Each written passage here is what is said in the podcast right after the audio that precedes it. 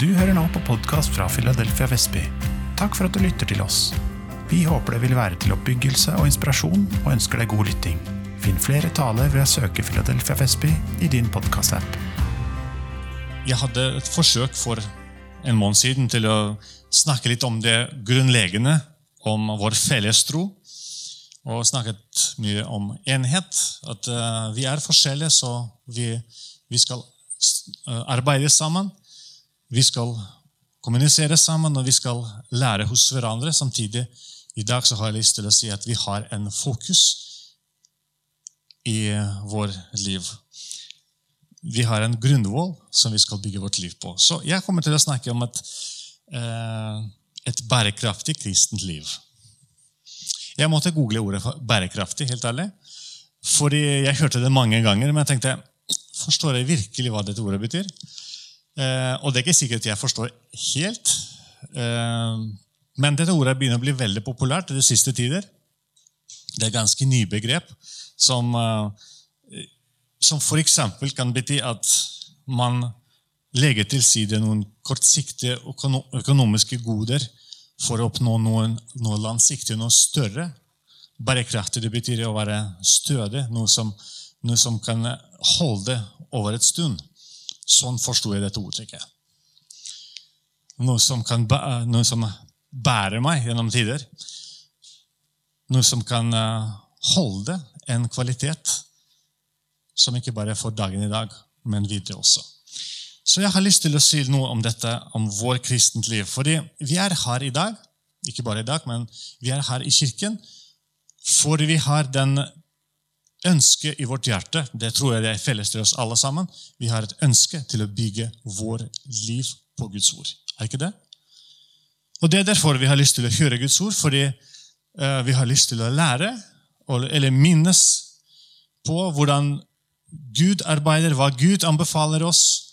Og da kommer mandagen, kommer tirsdagen, og så prøver vi å få dette i hverdagen, og i praksis i hverdagen. Og dette er en uh, spennende, kan bli innimellom veldig slitsom prosess. Fordi ofte så vet jeg hva egentlig Guds ord sier, men det blir ikke bare lett å få dette i praksis i hverdagen. ikke sant? Uh, ofte så Livet er ikke, eller, livet er ikke A4. Og så Det du leser i Bibelen, det er ikke alltid det samme eh, utfordringen som du møter i hverdagen. Og Så kommer du til et nytt situasjon og så tenker ok, hvordan skulle jeg håndtere dette. da?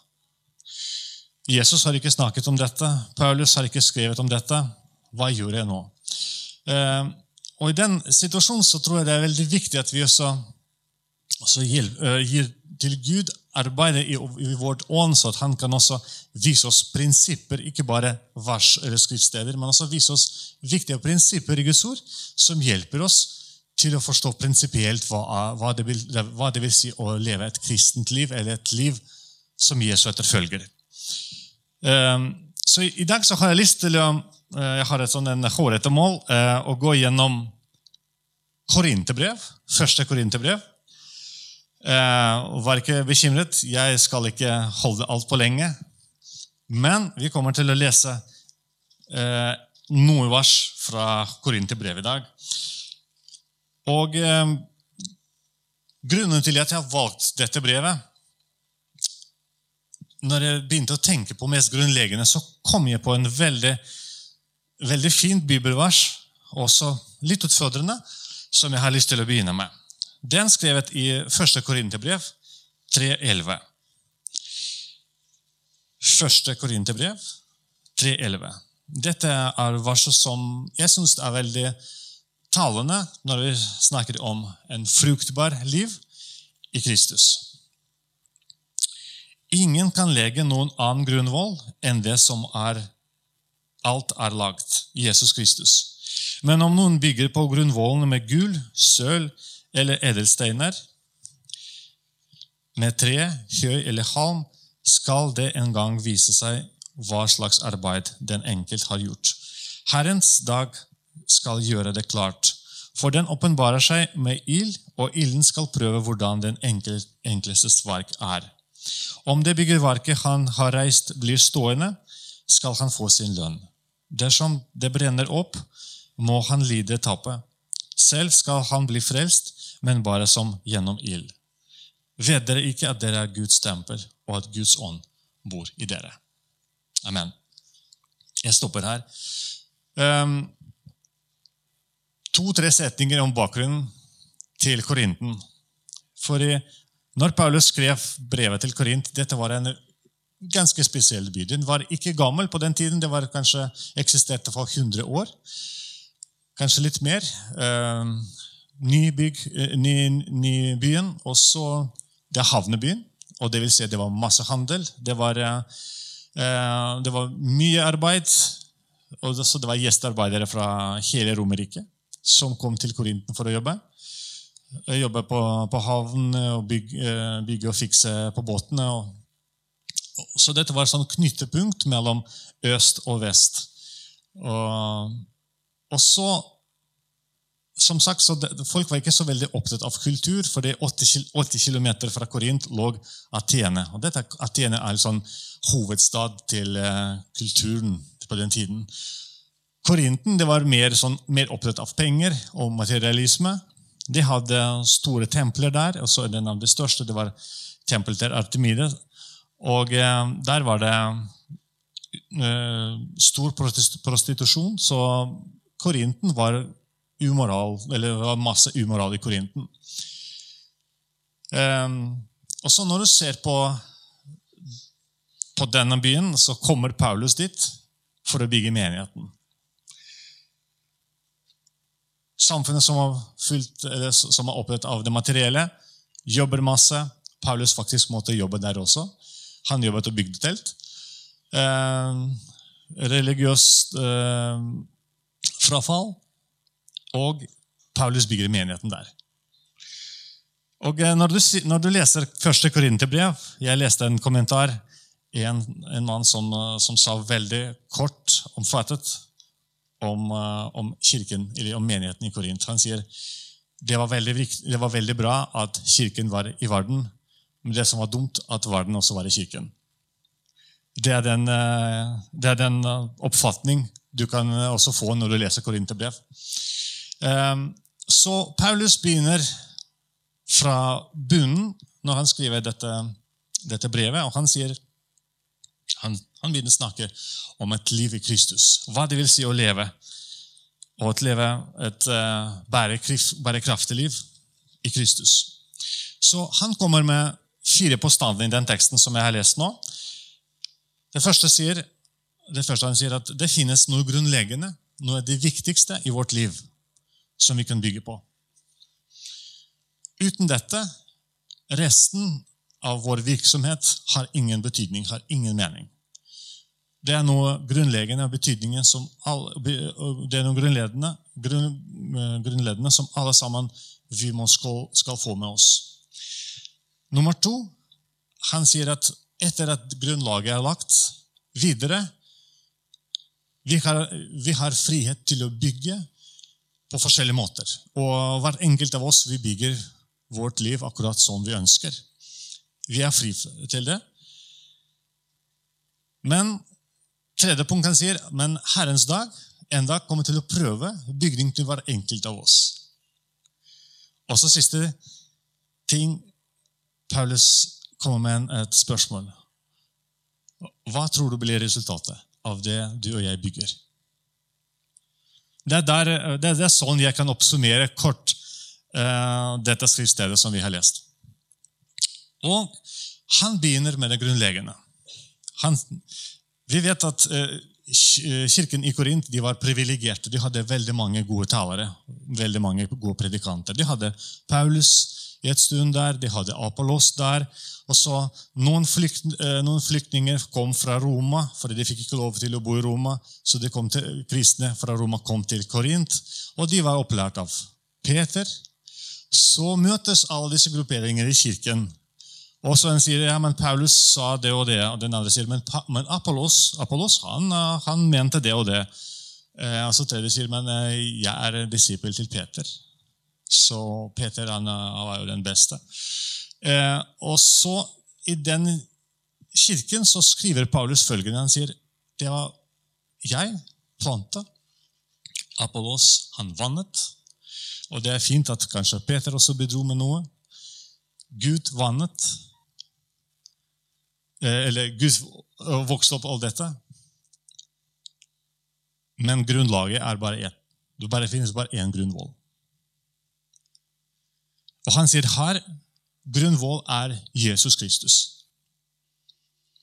Det er ikke på, på grunnvollen til Peter vi bygger menigheten. Ikke på, på grunnvoll til Paulus eller, eller, andre ikke andre filosofier som vi prøver å dra med for å ha det i, i grunnvoll til, til kirken. Det er Jesus.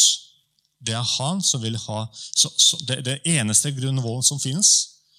Han er ganske utelukkende her. Det finnes ikke noen andre måter å ha en vellykket å ha en bærekraftig liv enn å ha Jesus som sin grunnvoll. Og hva mener han med dette? Hva mener han når han sier at vi må ha Jesus som en grunnvoll? Da kommer jeg til kapittel 1, vers 21, 22, 23 og 24, faktisk. For da var den ikke brukte visdommen til å kjenne Gud i hans visdom, besluttet Gud å frelse dem som tror, ved den dårskapen som vi forkynner. For jøder spør etter tegn, og grekere søker visdom. Men vi, men vi forkynner en korsfestet Kristus. Han er stumlestein for jøder og dårskap for hedninger. Men for dem som er kalt, både jøder og grekere, er Kristus Guds kraft og Guds visdom. Det mest grunnleggende i vårt liv det er å tro at Jesus har frelst meg. Å bli frelst. Det er, eh, som Jesus sa en gang, hva er vitsen til at vi vinner hele verden, men vi mister vår sjel? Hva er vitsen til at man uh, er en fantastisk ingeniør og så, og så tjent millioner av penger, og så døde man, og så havnet i helvete til slutt? Det er det ingenting verdt. Det viktigste i livet det er å ordne vår sak med Gud. Å tro at Jesus har frelst meg, og tro at han kom på jorden. Han var uskyldig, men ble dømt til døden som synder. Og Derfor Bibelen sier at han tok på seg vår straff. Så vi trenger ikke til å betale med døden lenger, fordi det var en som hadde betalt allerede. En som var uskyldig, som døde. Så du og jeg vi trenger ikke til å dø den, hvis du tror på det, så du er frelst. Så er du frelst. Dette er utrolig enkelt, eller som Paulus sier, det kan være nesten høres som en dårskap, den budskapen. Én mann døde. Hvis du tror at han døde for dine synder, så er du frelst. Til og med barn er i stand til å forstå dette, tror jeg. Hvis du og jeg hvis du tror på at Jesus døde for dine synder, så er du frelst. Og dette er det grunnleggende for hele livet. Uansett hva hverdagen bringer. Vet du hva? Jeg opplevde flere ganger at det kan komme tvil til og med på dette spørsmålet. Er jeg virkelig frelst? Kanskje Gud er skuffet med meg, og kanskje jeg er på vei til helvete. Det, det kan skje at når livet er på det mørkeste, så til og med den grunnvollen virker som den rister. Men hvis du tok imot Jesus som din frelser, uansett, uansett noe annet kommer til, Vi kommer til å snakke mer om dette etterpå. Du er Guds barn. Du skal være sammen med Han i himmelen. Vers 28 og 31. Ja, svarer Paulus. Det som i, verden er, i verdens øyne står lavt, det som blir foraktet, det som ikke er noe, det utvalgte Gud for å gjøre til intet det som er noe, for at ingen mennesker skal ha noe å være stolt av overfor Gud. Gud er ikke særlig eh, si, begeistret eller imponert over våre gjerninger. Du ser at I frelsen så ligger ting at Gud frelste oss, så at ingen av oss, uansett hvor flinke vi er, vi kan ikke være, eh, kan rose oss for, for Gud, for det er Han som frelste oss. Uten vår fortjeneste. Dere er Hans verk i Kristus Jesus. Det er Han som gjorde alt. Dere er Hans verk i Kristus Jesus. Han som har blitt vår visdom fra Gud, vår rettferdighet, vår helliggjørelse og forløsning. For at den som er stolt, skal være stolt av Herren, slik det står skrevet. Er ikke det fantastisk? Amen. Så dette er grunnvollen. Tror du på Jesus, så er, da er du frelst. Ferdig. Jeg kan ikke, gjøre, kan ikke tillegge noe til den grunnvollen. Jeg kan ikke hjelpe til min frelse. Nådegaver frelser ikke. Barnedåp frelser ikke. Mastergrad i teologien frelser ikke. Det er bare hans verk på Golgata som gjorde alt dette. Amen. Men så går vi videre, fordi Paulus fortsetter videre. Han sier det er bare det, eneste grunnlaget som fins. Grunnvollen, det er Jesus Kristus. Men så bygger vi vårt liv. Vår hverdag bygger vi alle sammen. Måter hvordan vi kommuniserer med andre mennesker. Måter, eller ting vi prioriterer i hverdagen. De målene som vi setter. Uh, mye annet som vi gjør. Dette er ting som vi bygger. Vi bygger opp. Og Jesus forteller oss at en liknelse om to hus, eller to mennesker som bygde hver sitt hus. Den ene bygde på sand, den andre bygde på et fjell. Og eh, den, Vi vet den historien hvordan dette ble, at ene huset, det, det ene huset raste eh, sammen. Den andre besto. Huset som ble bygd på fjellet, det var stødig. Det kom tornevern både til den ene og til den andre. Og prøvelse kommer i vårt liv. Men det Jesus på en måte oppsummerer hele denne historien med, at den som hører på mine ord og gjør etter dem, den blir som en mann som bygger på et fjell. Så Jesus, Jesus har en veldig tydelig forventning til oss etter at du og jeg har blitt frelst.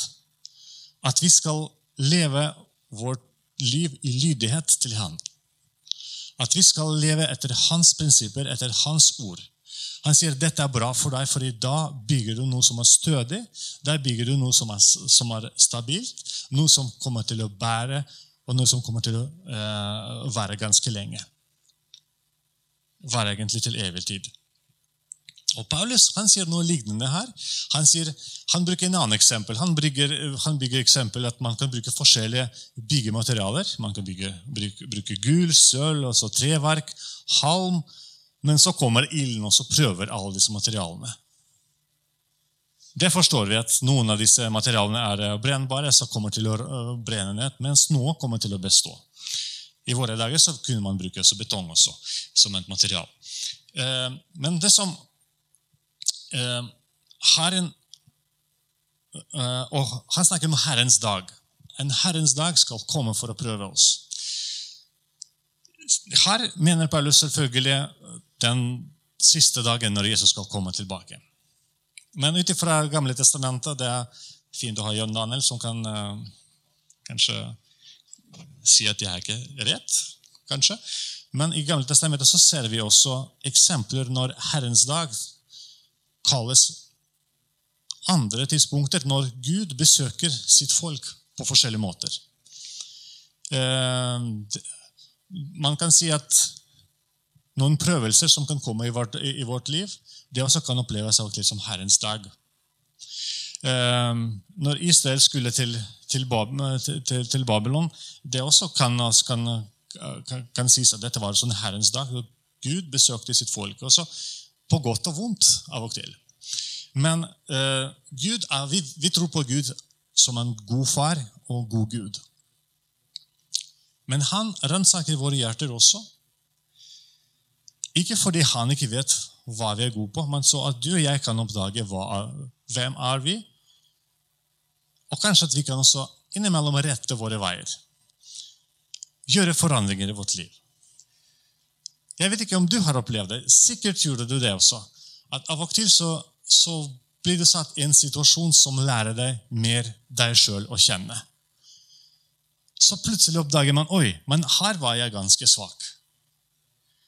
Her gjorde jeg ikke sånn Jeg trodde at jeg, trodde at jeg står for disse, disse, prinsippene, men akkurat når situasjonen kom, så, så sviktet jeg. Jeg gjorde det annerledes.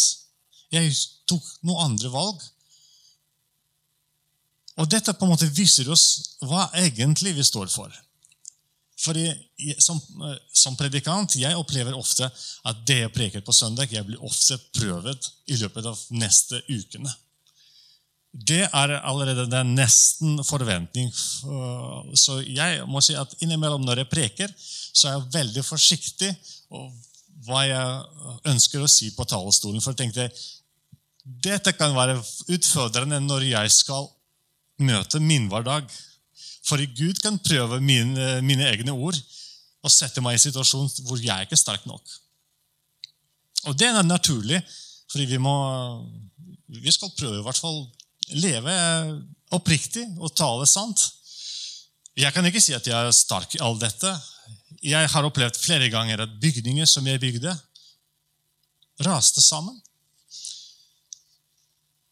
Ting som jeg bygde på, eller forventninger som jeg hadde kanskje til mennesker.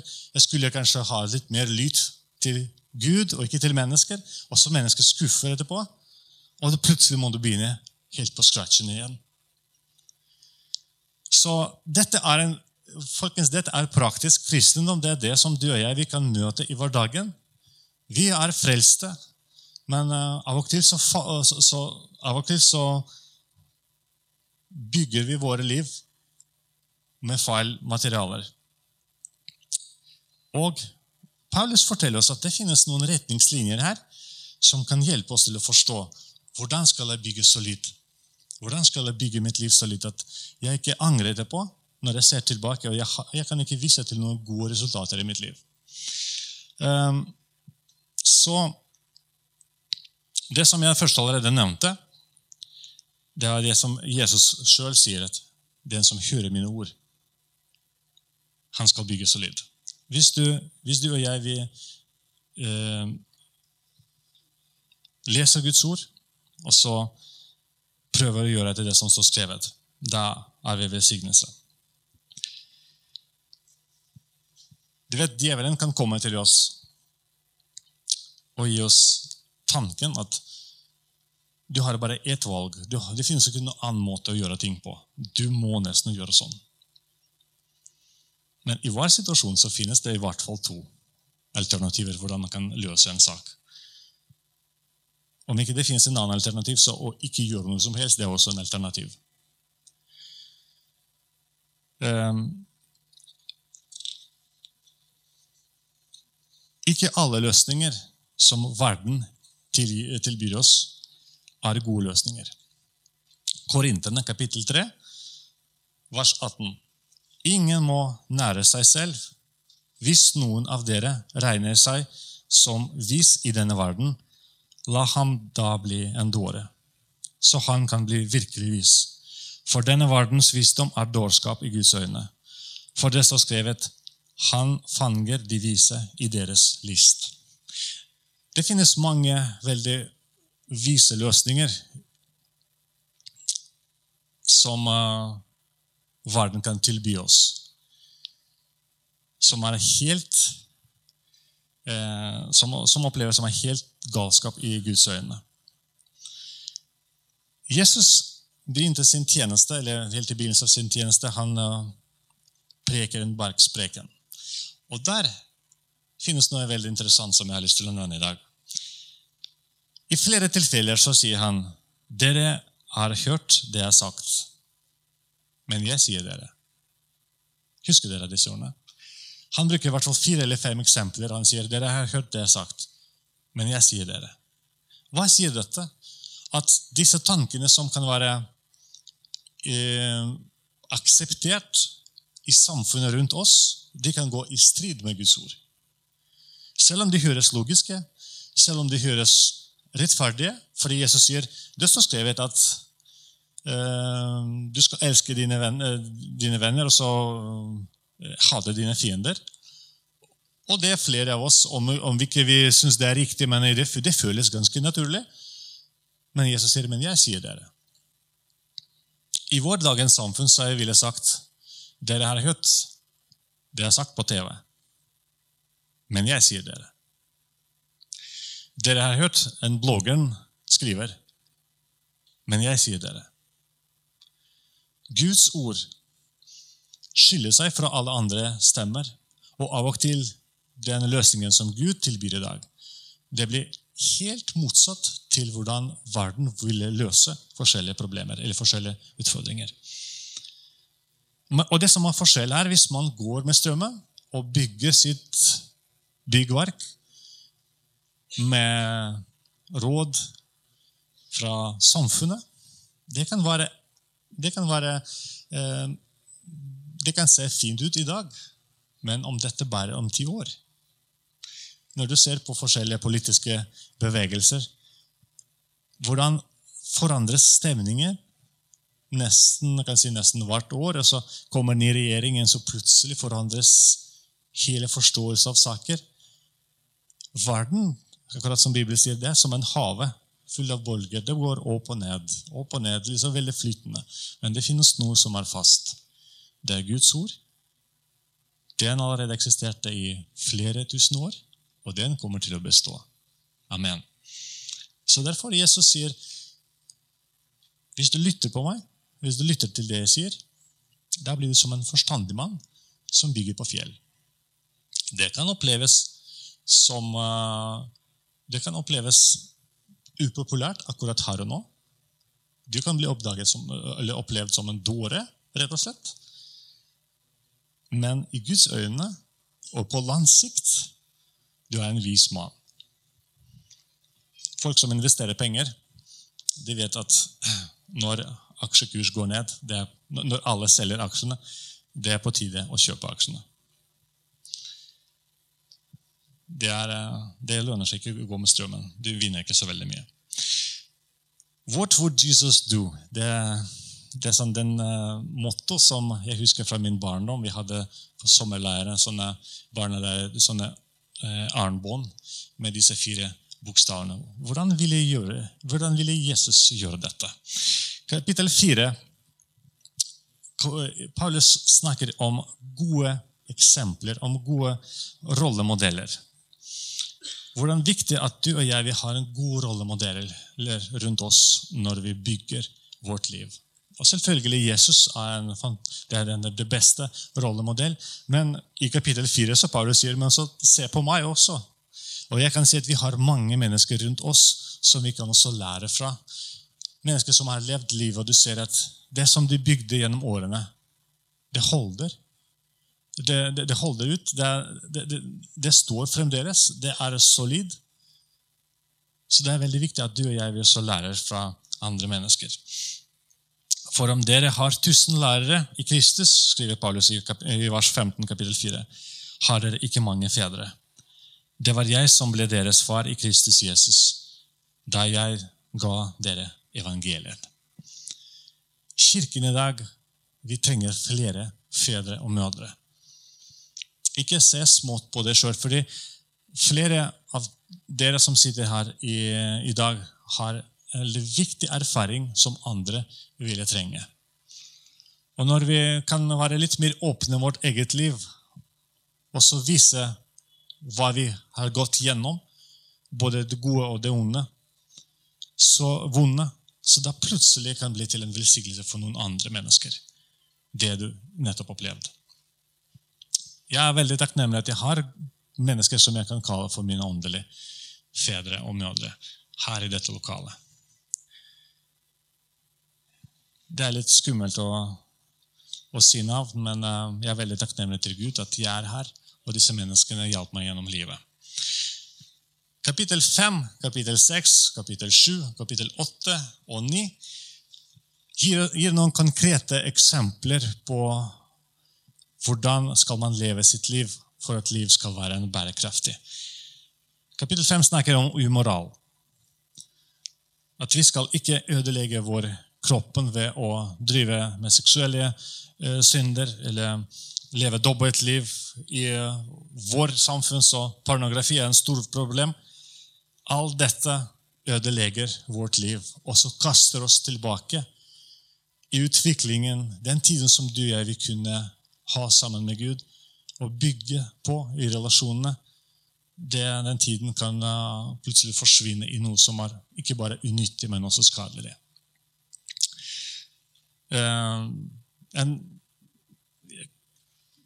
jeg, kan, jeg, skal fortelle et eksempel likevel. Det er Fra min barn- og ungdomstid i Hviterussland så hadde vi en fantastisk pastor som var, eh, var godt elsket av all ungdom. Fordi han talte på en måte som vi forsto. Og vi sa at han ofte mot de andre, andre litt gamle pastorer som, eh, som, som forsto ikke oss ungdom. Han var morsom. Han hadde en stor menighet. For ti år siden så har jeg hørt at uh, den mannen uh, var utro til sin kone. Og så Hele hans tjeneste raste sammen. Og så tenkte jeg dette var så trist. Jeg fremdeles er glad i den mannen, og jeg, jeg tror at han er frelst. Så her kommer jeg til det første verset som jeg snakka i dag. Grunnvollen holder. Mist, jeg tror ikke han mistet sin frelse pga. det som ble gjort.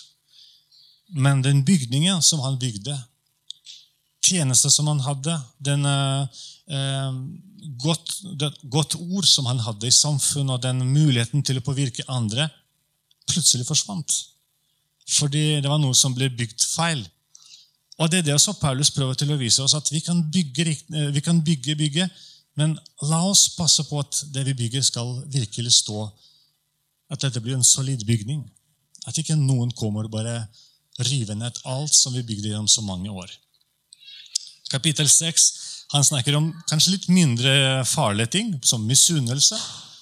Hvem kunne tro at misunnelse kunne være til en, til så stor skade? Men jeg kan si til deg at bitterhet for eksempel, det kan skape så mye skade. Jeg, jeg opplevde sjøl at innimellom så du går bare og surrer disse tankene. Du klarer ikke til å tilgi en person. Og dagene bare går. Og så til slutt, når du er ferdig, ferdig med den prosessen, så tenker jeg tilbake så tenker Men var jeg virkelig effektiv disse dagene? Nei, det var jeg ikke, for jeg var ikke til stede. Jeg bare satt i min boble med all, med det, all, all den bitterheten og klarte ikke å tilgi. Og var det nødvendig? Er det noen som, uh, som fikk lære penger av dette? Er det noen som jeg på en måte straffet med dette? Nei, det var bare meg som, hadde, som, som til slutt fikk et problem med det man kan få en skikkelig eh, skuffelse og dårlige dager pga. dette. Så sånne ting Mindre viktige ting, eh, eller mindre farlige kan du si, synder, det kan bli like mye skader for vårt liv, for vår bygning. Kapittel 7 så snakker Paulus om familien. Å bevare familie. Å bevare de som har tiltrodd deg det er, det er, flere saker der. så jeg, det, er, det, det, er, mye han snakker om um, det, er ikke bare om å bevare familie han snakker i denne kapitelen. Men, men, jeg har lyst til å plukke ut disse tankene. Han snakker til og med hvis du har en ikke-kristen mann, så vi har en ansvar for dem. Vi har ansvar for disse ektefellene. Vi skal be for dem. Vi skal be for barna, så at barna skal også bli frelst. Så at familien skal bli bevart. Det er det Paulus også drar i, i den kapitelen. Familien vår er viktig. Og i, Spesielt i vanskelige tider, vil jeg si, på jobben eller, eller andre situasjoner. Det er så godt å ha å komme hjem og oppleve at her er jeg trygg. Og Uansett om kanskje der et sted har problemer, jeg mister jobb, eller, eller det var konflikt andre steder, men du vet at du kommer hjem og du, og du ser mennesker som er glad i deg. Du ser barna som kanskje krybber, og så smiler.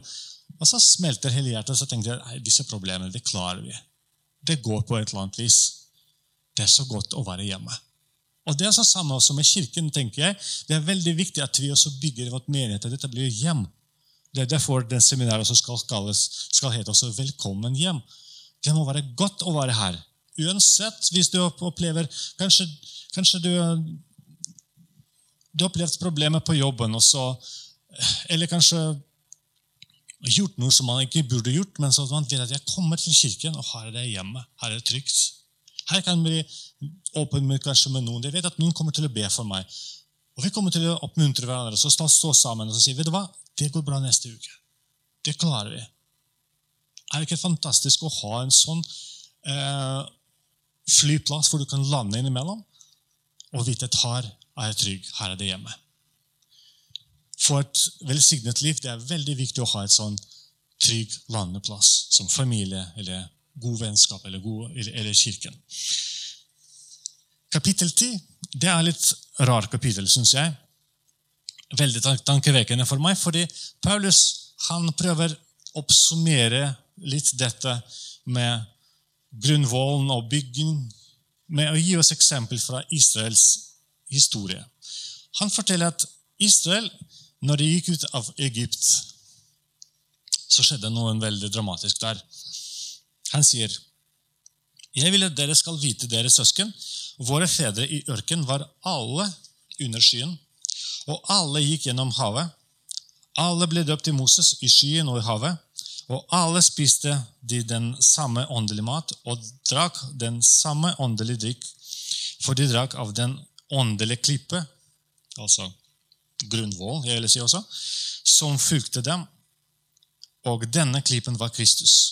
Likevel forkastet Gud de fleste av dem, for de ble slått ned der i ørkenen. Disse hendelsene er advarende eksempel for oss. De skal lære oss ikke å ha lyst til det onde slik de hadde. Det er sånn interessant han forteller at alle sammen ble frelst fra Egypt. Og alle sammen ble døpt i havet. Og Her er det interessant at han eh, plasserer dåpen etter frelsen. Og Det syns jeg er helt riktig. helt innenfor. Så kommer de til, til Sinai, så får de Guds lov. De får uh, bli opplært i Guds ord. De bygger tabernaklet, så de lærer å tilbe Gud og prise Han. Bygger relasjon med Han. Men allikevel, ikke alle av dem kom til Kanaan. Fordi, rett og slett fordi noen hadde mer lyst på agurk og, og, løk og ville dra tilbake til Egypt. Noen begynte å klage på ting og, og situasjoner. Og så. så ble vi ser så flere ganger de måtte, de opplevde nederlag. Noen drev, var, var avgudsdyrkere i ørkenen.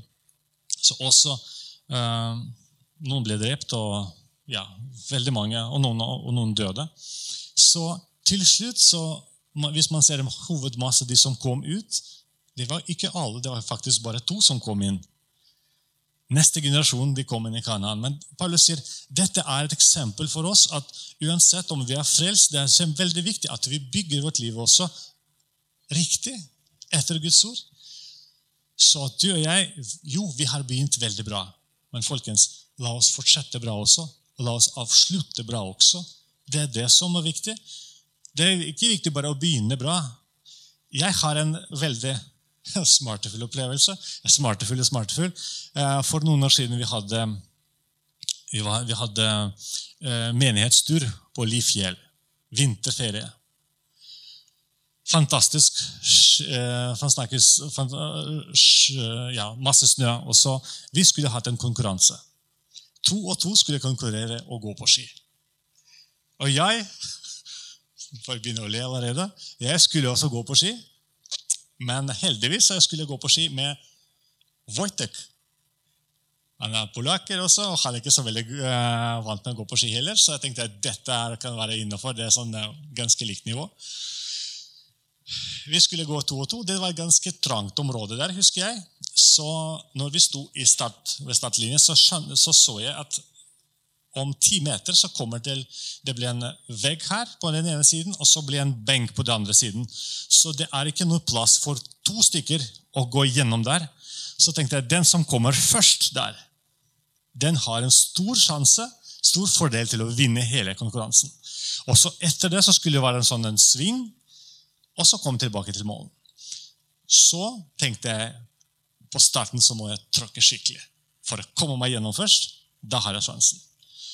Så, når det var klart ferdig å gå, så jeg, jeg sto på. Og jeg gikk først der. Vet du hva, Det var så lettelse for meg å vite at, at nå kom jeg gjennom.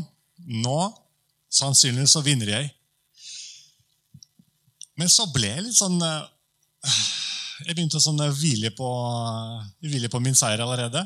Og jeg så smake på de medaljene som jeg skulle få. Så skulle det komme den svingen. ikke sant? 180 grader sving. Og der glemte jeg at jeg skulle ligge på innsiden, på innesvingen. Så Wojtek han tok meg på innesvingen, og han vant. Dette er et eksempel på hvordan man kan begynne bra, kan ha veldig god strategi, men allikevel tape hele konkurransen. Rett og slett fordi man begynner å feire litt for tydelig. Folkens, vi er fremdeles på vei. Og eh, jeg har, jeg, har til, jeg har, ikke lyst til å gjøre noen av oss motløse her i dag. Livet er sånn at man kan oppleve både medgang og motgang. Og det er alvorlig. Vi har fremdeles fienden som kjemper mot oss, som har lyst til å, at du skal ikke lykkes med det du bygger, at du skal sitte med ingenting til slutt. Men Jesus har en veldig tydelig forventning til oss, eller forventning, ønske for oss. Han sier jeg har hatt lyst til at dere skal bære frukt. Jeg har lyst til at deres frukt skal være Det er Johannes 15, 16, faktisk. 15, eh, 16. Deres frukt skal, frukt skal være det, det, det, det Gud ønsker for oss alle sammen. Og det betyr at det er mulig at du og jeg skal bygge så litt, og så skal komme og så få den kransen som allerede venter på oss i himmelen. Amen. Kapittel 11 forteller oss at i all dette Jesus er en, igjen både eksempel og han er vår fokus. Vi sang om dette i dag. Vers 23 vi bruker vi hver måned når vi snakker om nattverden. Vi skal minne han død og hans oppstandelse. Det er ikke ved vår kraft vi bygger, vi bygger vårt liv. og Det er derfor vi også ser på han som var korsfestet for oss. Det er han som vår eksempel. Han lærer oss hvordan vi skal leve vårt liv. Han lærer oss hva det betyr å elske. Han lærer oss hva det betyr å ofre oss for noe større mål. Trenger du hjelp, be Jesus. Og alltid, uansett hva som skjer, se opp mot korset. Der er vår frelse, der er tilgivelse. Der er en restart. Amen. Kapittel 12 forteller oss at vi er forskjellige, men alle av oss vi har våre nådegaver. Noe som vi er flinke til. Noe som Gud ga oss som en gave. La oss hjelpe hverandre. La oss bygge opp hverandre. La oss stå sammen for å hjelpe hverandre. For sammen er vi sterke. Den som, var, eh, den som begynner å feire altfor tidlig, den kan plutselig oppleve fiasko, som jeg har opplevd, f.eks. Men når vi, når vi hjelper hverandre, da bygger vi en menighet som har plass til Guds ord, som har plass til at Gud kan tale i tunger. Gud kan, Gud kan tale visdom til oss, Gud kan eh, komme med profetiske ord til oss. Det blir plass for den helbredelse. Der blir det plass at vi som, som menighet også går ut for å gjøre andre mennesker til disipler. Vi har alle disse gavene. La oss stå sammen. La oss jobbe med det som Gud kaller oss til å gjøre. Og vi skal gjøre dette i kjærlighet. Kapittel 13. Vi skal gjøre dette i kjærlighet, for kjærlighet er størst. Kjærlighet er tålmodig. Kjærlighet er bare over alle svakheter. Vi er ikke fullkomne. Jeg er utrolig ufullkommen, så jeg er takknemlig for dere over barna mot meg. Men vi skal bære disse svakheter, svakheter til hverandre. Sammen. Gud vil at vi skal, være, vi skal bygge menigheten. Amen. Kapittel 14. Er du, er du har du noen gudsgaver? Har du har opplevd at Gud bruker deg? Ja, Fantastisk, men kjære deg, la oss gjøre dette med respekt for hverandre. La oss ikke såre hverandre. Det er spesielt når vi er der på toppen. Det er der vi opplever at nå er, når Gud er med meg, det er veldig lett til å begynne å tråkke på andre mennesker. Det er veldig lett også til å se ned til andre. Dette skal vi ikke gjøre. Dette er ikke Guds vilje for oss. Vi skal arbeide sammen, og vi skal respektere hverandre. Vi skal ha orden, og vi skal ha eh, omsorg for hverandre i alt. Amen.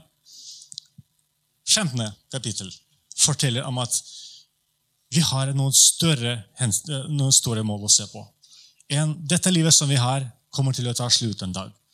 Men det finnes oppstandelse og det evige livet.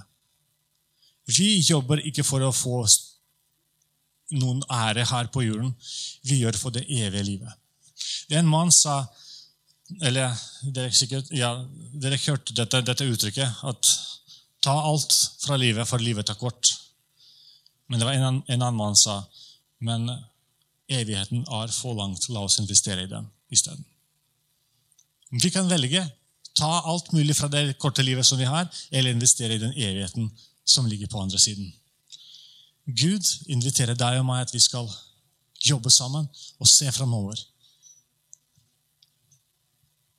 Og Siste kapittel jeg var litt usikker på hvordan skal jeg oppsummere den, fordi den handler om, um, om givertjeneste. Men Paulus har ikke samlet penger for seg sjøl.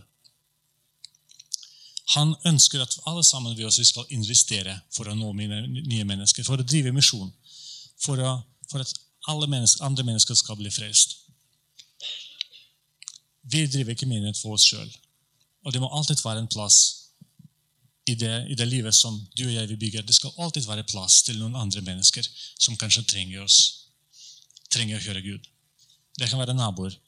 Det kan være slektninger som fremdeles ikke tror på Jesus. Vet du hva? Jeg er overbevist at hvis vi bruker disse eksemplene, hvordan Paulus for eksempel, anbefaler oss å leve et, bærekraftig liv, så kan vi komme veldig langt på veien. Men til slutt jeg har lyst til å komme tilbake til, eh, til noen av de første versene som jeg leste. Fordi det kan også oppleves innimellom at oh, det er så mye som jeg skal gjøre. Det er så stort ansvar. Klarer jeg virkelig dette? Paulus kan nesten kanskje visste at disse spørsmålene skal komme. Og vers 30-31, kapittel 1, jeg leser igjen. Han sier at det er hans verk i Kristus Jesus. Han som har blitt vår visdom. Det er ikke med vår visdom vi kommer til å bygge vårt liv. Det er hans visdom. Han er vår rettferdighet. Og Helliggjørelse det er en prosess når vi blir mer og mer likt Jesus. Og Man kan tro at her må jeg virkelig stå på, men Paulus sier men det er han som har blitt vår helliggjørelse og vår forløsning. Er så, det, er så, det er så fantastisk at vi har Jesus som er sammen med oss.